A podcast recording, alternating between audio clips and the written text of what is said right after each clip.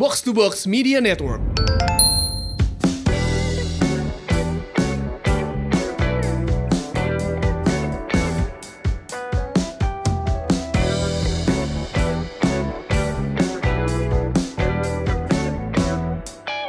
Halo Semurian, welcome back. Ini dia Podcast Semur, Sehat dan Makmur. Podcast yang ngajak kamu untuk sehat jasmani dan makmur finansial bersama saya, FX Mario.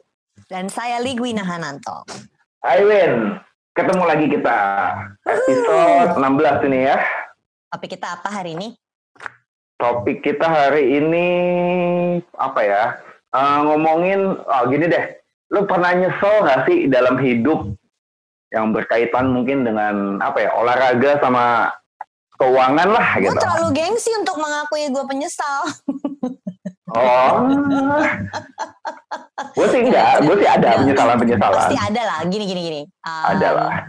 I'm in my 40s now. Yap. Kalau gue lihat ke belakang, di umur 20-an itu gue sibuk um, melahirkan.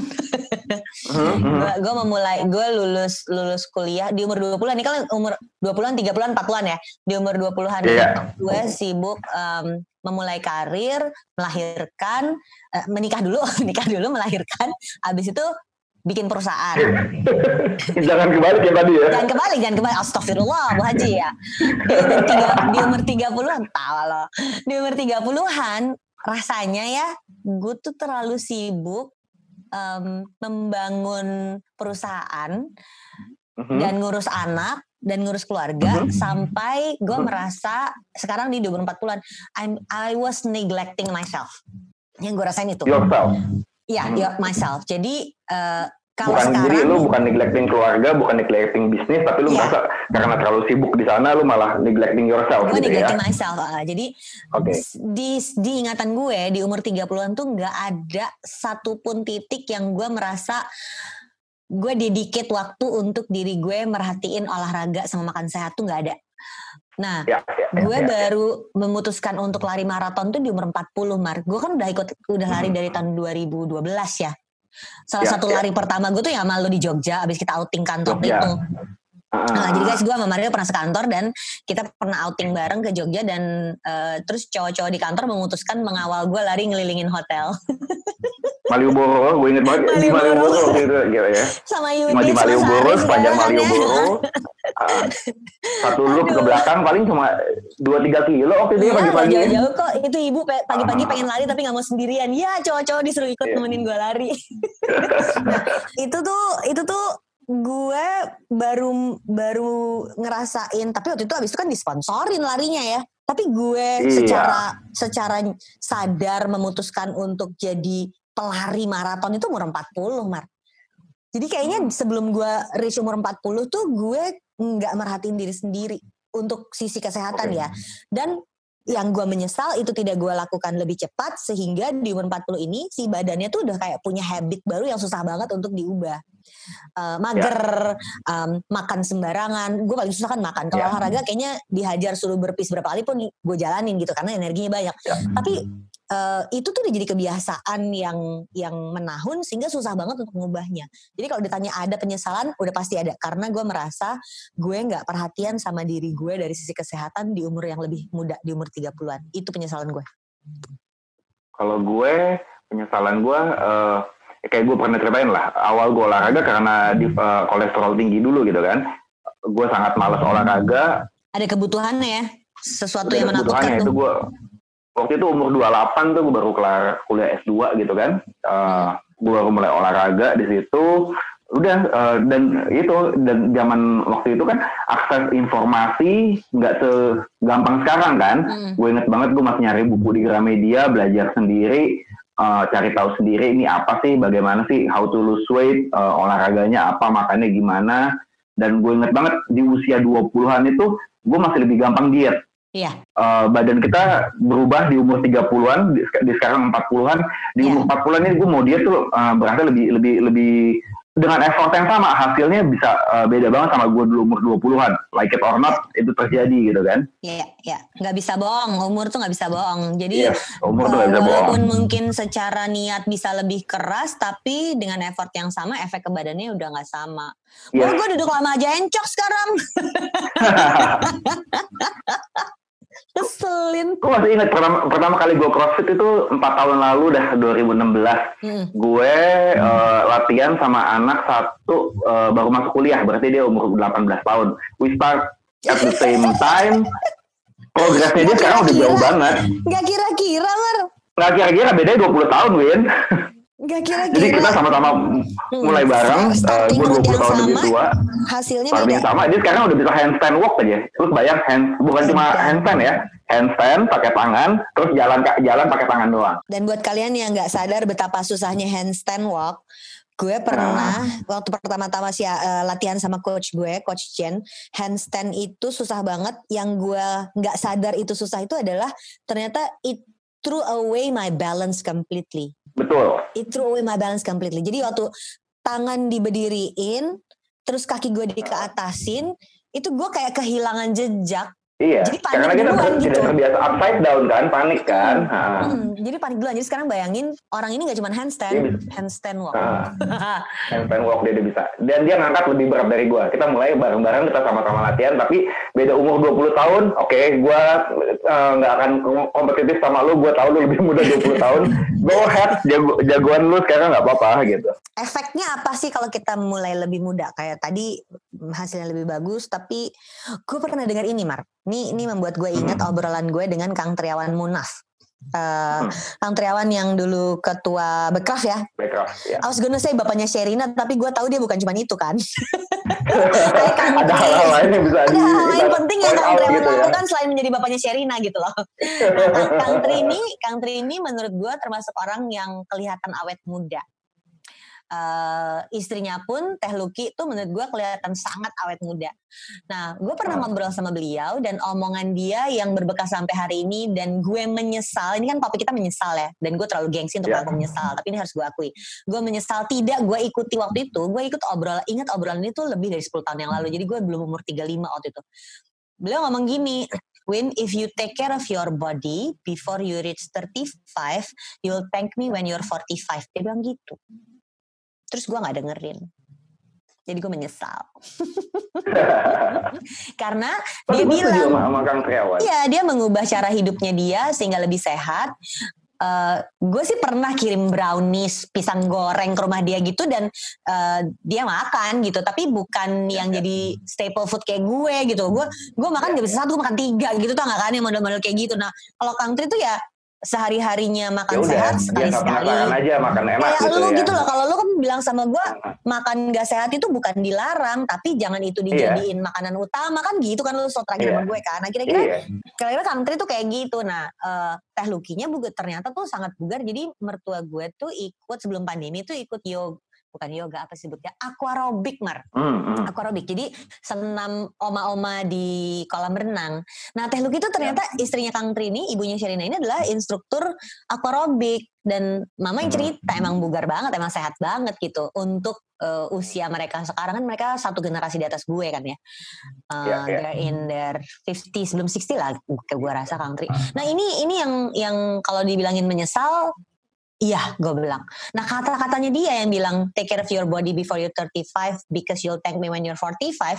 Karena dia bilang jadi nanti waktu lo umur 45 lo merasa badan lo sebugar orang umur 35. Dia bilang gitu. Hmm. Pertanyaan gue nih Mark, karena lo ada di industri fitness, apakah benar soal body age yang sering dijadikan ukuran kalau orang olahraga, Mar? Itu kan kita suka ditimbang, terus di situ tuh ada, itu tuh apa sih sebenarnya? itu itu sebenarnya kayak kayak chart yang nentuin kalau dengan umur eh, umur lu segini eh, masa otot lu seberapa masa lemak lu seberapa eh, kadar air lu seberapa itu setara sama orang umur berapa sih gitu misalnya kayak Idealnya. gue eh, eh, oh, iya sama kayak orang ideal umur berapa kayak misalnya gue umur 40 Hmm. berdasarkan eh, timbangan gue berat gue berapa eh, masa otot gue berapa dan lemak gue berapa itu itu kira-kira eh, itu mereka pakai statistik di kalau nggak salah mereka eh, ada statistik. Jadi kayak lu uh, setara sama orang umur berapa gitu. Kalau gue hmm. uh, syukur syukur masih lebih muda dari biological berapa? gue gitu ya. Apa? Lu lu kan nomor 40 ya? Iya. Body age lu? 31 32 gitu gue lupa. Uh. gitu lah boleh lah ya lumayan ya atlet gitu kan atlet nah, kalau ngomong itu gue juga sih kalau gue berasa, berasa berasa telat mulainya gue baru mulai di umur 28 gitu kan gue gak pernah olahraga dulu segala macam terus kadang kan gue mikir andai kan gue mulai pas kuliah S1 lah umur 20-an gitu pasti uh, things will be different gitu tapi gue pikir kalau gue nyesel nyesel nyeselin mulu kapan habisnya? Ya udahlah. Persis. Karena sih gue paling nggak gue masih bisa pede lah dibanding umur umuran gue gue masih lebih fit dibanding orang yang seumuran gue gitu. Persis. Lah, jadi bukan menyesal kemudian ya udah nggak ngapa-ngapain sih karena tidak iya, ada iya, iya. terlambat ya. Nggak ada iya. kata terlambat sih sebenarnya. You can start at any age dong. Yep yep. You can start at any age tapi itu uh, kalau lu titik awalnya udah beda Hmm, tentu saja hasilnya beda gitu kayak tadi gue ceritain anak muda yang tadi anak muda itu tentu saja dia progresnya bisa lebih bagus dari gue gitu kan kayak gitu kayak gitu gue jadi ada di lingkungan temen-temen yang doyan olahraga dan looking fabulous. Hmm. Uh, masalahnya hmm. kan gue kalau kerja tuh kelihatannya cuman leher sama muka. Jadi gue selalu merasa gue aja. Karena gue punya uh, super power untuk kelihatan kurus di kamera, Mar. Oke. Okay. Kalau orang iya. biasanya kelihatan gemuk di kamera, lo kelihatan kurus ya di kamera ya. Itu super power gue dan gue tuh tirus Jadi gue gak pernah merasa gemuk. Padahal um, kenyataannya kan timbangan itu tidak bohong. Gue tuh overweight yeah. guys. Jadi gue ini buat semurian, gue tuh overweight. Gue tuh berat, ya gue tingginya tuh um, cuman 150 cm. Bo, kayak lebar kain hmm. Kan. Pendek banget sebenarnya. tapi berat badan gue tuh 65. Jadi itu tuh overweight udah pasti. Gue nya selalu merasa, tapi I'm fine. Gue baik-baik aja. Dan kalau gue olahraga juga bareng sama geng gue tuh selalu gue merasa baik-baik aja gitu. Ada teman-teman gue yang lebih ya, kurus ya, ya. tapi dia nggak bisa ngangkat dumbbellnya, nggak bisa ngangkat kettlebellnya. Jadi gue merasa I'm strong, I'm fine. Sampai kemudian ditimbang si timbangan menyebalkan itu, timbangan jahanam itu, dan di situ dikasih tahu kalau uh, overweight uh, dan udah yeah. di level yang dangerous. Ada, ada apa namanya visceral fat apa yang yang Iya, visceral fat itu lemak yang ada di uh, daerah sekitar perut. Di organ-organ itu organ lo. Uh, itu berbahaya levelnya udah. Terus berbahaya karena itu nempel sama organ. Hmm, gue sekarang umur 44, body age itu 60 Mar. Hmm. Brengsek gue langsung. Nah itu gak bohong kan. Jadi ketika ketika langsung gue sebel, merasa. sama timbangannya ya. Langsung sebel banget gitu. Nah ini yang menurut gue artinya jangan kemudian ah kalau kalau aja dari dulu tuh gue beresin ya ya udahlah udah gini mah ya hmm. udahlah enggak gue nggak mau kayak gitu jadinya enggak. akhirnya makanya sekarang gue berusaha terus dan apa ya every day is a new day to start gitu karena ya. ternyata grafiknya tidak stabil ada hari-hari gue bertekad untuk memperbaiki cara gue hidup ada hari-hari gue yang ah udahlah gue capek. Ada yang kayak gitu gitu. Tapi setiap ya, hari apa -apa. Ah, setiap hari gue memulai lagi minggu lalu gue gagal yeah. ini gue mulai lagi deh kemarin gue berantakan yeah. makan hari ini gue mulai lagi deh gue akhirnya memutuskan seperti itu sehingga um, yeah. it's only over when I'm dead gitu gue akan coba terus untuk memperbaiki yeah. cara hidup gue dan setelah gue lebih rajin olahraga memang terasa lebih enak sih lo inget gak dulu ya mm. waktu lo kerja bareng sama gue di kantor tiap bulan ada gue sakit loh mm -hmm. tiap bulan iya sih Iya, tiap iya, bulan iya, ada iya, gue iya, sakit, iya, iya. begitu udah sering lari, gue hampir nggak pernah sakit. Itu aneh banget menurut gue. Iya. Iya, iya, iya karena stamina stamina lu membaik, gini, kita kan tambah tua pasti kan, eh, lebih rentan sakit pasti gitu karena kita tambah tua. Tapi kan bisa kita, uh, kita bisa memperlambat bukannya menyetop ya, kita bisa memperlambat proses penuaan itu dengan olahraga, dengan makan sehat gitu kan. Jadi ya uh, bukan anti aging sih sebenarnya tapi menunda aja yeah, iya, menunda yeah, yeah, lebih yeah. lama menjadi menjadi jomponya gitu kan. Kita kan nggak pengen nanti pas kita udah oma opa ketika pun lebih tua dalam keadaan yang lebih sehat sebenarnya gitu sih. Iya. karena tuanya kan nggak bisa dilawan iya. memang akan lebih tua dong gitu. Iya tuanya nggak bisa dilawan. tapi kan kita pengen dong nanti kita udah tua masih bisa jalan-jalan ngabisin uang yang kita dapetin sepanjang kita kerja ini lebih santai gitu. Tapi kan nggak pengen kita tuanya sambil udah pakai tongkat gitu kita pengennya masih bisa jalan begini aja senang-senang gitu kan kayak nah, gitu sih sebenarnya yang ini gue, gue tuh bertemu sama banyak orang-orang yang menurut gue keren yang hmm? gue merasa apa ya orang-orang ini tuh membantu gue untuk lebih bersemangat buat olahraga. Contohnya, waktu gue Tokyo Marathon tahun 2017, Hmm. Gue di finish line-nya lagi jalan dari finish line kan dari finish line tuh kita mesti jalan ke tempat ganti baju dan ngambil tas tuh agak jauh. Iya. Lagi jalan Yang pakai itu sakit. yang selimutan itu ya, Ah, dikasih selimut yang apa eh, biar badan lebih anget kan. pemanas. Iya, iya. Ah, sambil dikalungin medali. Nah, gue jalan dan ini ada di Instagram gue. Gue bertemulah sama seorang oma-oma Hmm. namanya Mary dari Irlandia dan dia medalinya beda sama medali gue. Dia medalinya ada enam buletan gitu. Gue langsung nyamperin dia, kok medali lu beda? Terus dia bilang, because I have finished all six of the Abbott's World Major Marathon Series. Dia bilang gitu. Terus gue langsung, saya boleh tahu nggak kamu umur berapa? Gue tanya dia ya. Tahu nggak dia umur berapa, Mar? Dia Udah hati-hati ya nanyanya ya. Iya dong, gue takut salah kan. Dia umur Iya, iya, iya. 72 loh. Dia umur 72, Mar. 72 tahun. Iya. Oh, salah satu yang bisa kita lihat eh, tuanya tetap fit itu sebenarnya Gordon Ramsay, si chef itu, chef itu. Emang dia umur berapa? dia kan udah berapa? An- anaknya udah gede, dia udah 60-an deh kalau nggak salah. Tapi dia tuh emang black belt karate, emang dari mudanya olahraga, dia maratoner. Lo lihat lah, eh, Ya, dia super masih fit. He's super masih... fit, ya. He's super Iya, fit. iya, iya. Nah, si Mary ini gue tanya, "Eh, kamu umur 72 kan finish all six of the Abbott World Marathon. Gue bilang gitu kan major World Hmm, Major Marathon. hmm. Jadi ini seri 6 seri maraton paling hits seluruh Ya, in- dunia. seluruh dunia. Eh, terus dia finish Tokyo gitu. Terus gue tanya, lu finish 6-6-nya di umur 72, emang mulainya umur berapa? Gue tanya gitu. Terus dia bilang, oh saya menyelesaikan 6 itu dalam rentang waktu 8 tahun. Jadi dia baru lari maraton World Major Series pertamanya di umur 62. 60-an. Iya. You are never too old for anything. Iya. Gokil loh. gue juga pernah kenal ini waktu gue awal-awal mulai nge-gym gitu ta- 10 tahun lalu gitu kan Eh, ada satu bapak-bapak dia umur 60 dia Hmm. pensiunan dokter jadi umur 55 dia berhenti dinas di suatu departemen. Terus dia baru jadi kan mulai banyak waktu luang kan si bapak dokter ini baru lima tahun workout dan eh, hasilnya bagus banget. Dia bilang ya gue sekarang udah tua gue jadi lebih punya banyak waktu gue masih bisa olahraga ya udah inilah yang gue jalanin. Jadi nggak ada kata terlambat sih sebenarnya kalau mau bikin penyesalan ya. Penyesalan boleh satu titik dan what next gitu dong Win Iya. setuju nggak Menyesal karena Iya kan? tidak mulai lebih cepat ya, Mar. iya tapi selanjutnya mau ngapain nih kita Tapi selanjutnya mau ngapain? Iya. di finance juga bisa ya Win ya banget. Gue sering ketemu Iya kan? soalnya. Em, emang sih paling bagus kita mulainya di umur 20-an kan, finance tuh. Iya. Jadi dari lu mulai Gue baru, kerja. baru tahu ada kata financial planning aja umur 27 Win lu siaran di Hard Rock Oh FM iya itu tahun sebelumnya mana pernah 2000 dengar 2006 kayaknya itu. Iya 2006 gue Iya, umur iya, itu 26 tuh. 2006. Nah, ah, iya, Bener, 27. bener, bener. Sama teman-teman kuliah gue waktu itu sama Bani Akbar sama Iya. Eh, Tami. gue inget banget dulu kita habis uh, Ah, biasanya ah, ah, kalau lu siaran bener, pagi hari Rabu pagi ya dulu ya. Ya, Rabu apa Kamis gitu pokoknya ada dua hari ganti-ganti ya. Iya malam malamnya kita suka bahas.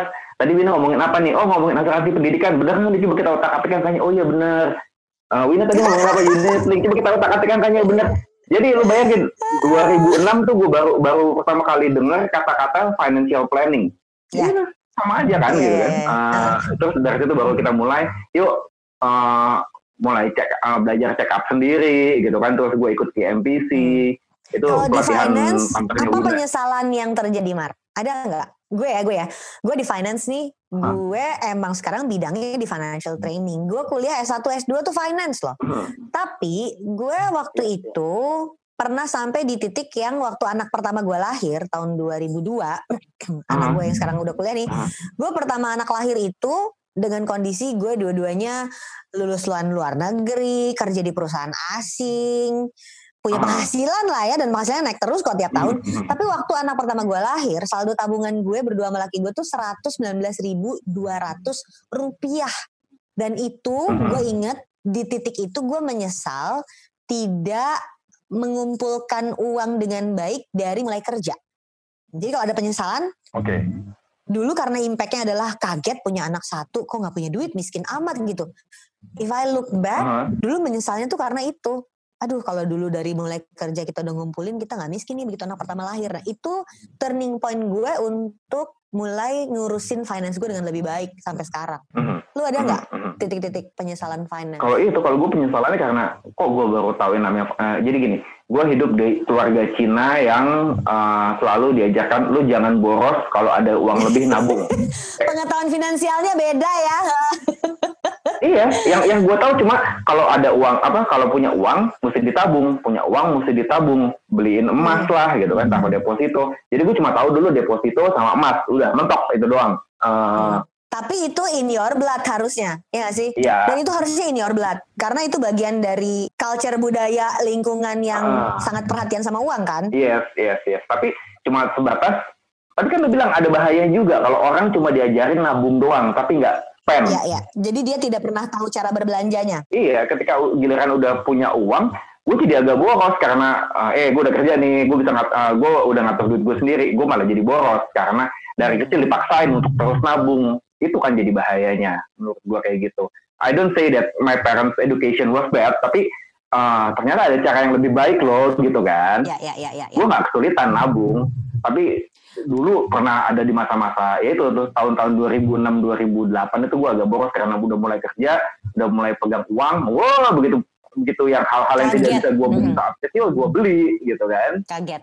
Ya gue rasa iya, banyak kok yang ngerasain kayak gitu mulai kerja itu malah uh, euforia punya duit ya menurut gue wajar ya, hmm. ya sekali dua kali sebulan dua bulan kayak gitu. Tapi harusnya abis itu langsung balik lagi ke rel kereta yang lurusnya untuk eh dirapin lagi mana yang boleh buat hore-hore mana yang buat ditabung mana yang buat sehari-hari. Yang kesimpulannya artinya obrolan kita ini adalah pasti semua punya penyesalan masa lalu tentang finansial ataupun tentang kesehatan yang mm-hmm. harus ada titik baliknya yang justru membuat kita mau melakukan hal yang lebih baik untuk finansial atau kesehatan. Pasti pada punya dong titik-titik kayak gitu ya nggak sih yeah. Semurian? Boleh nggak kalian share tag gue sama Mario di Twitter atau Instagram apa penyesalan uh. kalian yang berhubungan sama kesehatan sama keuangan uh, yang mungkin dari obrolan kali ini bisa bantu kalian untuk curhat-curhat atau mungkin malah menginspirasi orang lain untuk segera merasakan titik penyesalan itu karena yeah. yang menurut gue keren dari obrolan hari ini adalah kita sama-sama mengakui titik penyesalan itu membawa kita ke fase yang lebih baik ya nggak sih? Lebih baik, iya. Iya, jadi kalau abis menyesal, ya selanjutnya apa? Jangan cuma hidup di penyesalan doang dong gitu. Jadi semurian hari ini obrolan kita tentang penyesalan. Saya FX Mario. Saya Ligwina Hananto. Buat apa sehat tapi nggak punya uang? Buat apa makmur tapi sakit-sakitan? Live long and prosper. Thank you. Thank you. Bye-bye. Bye.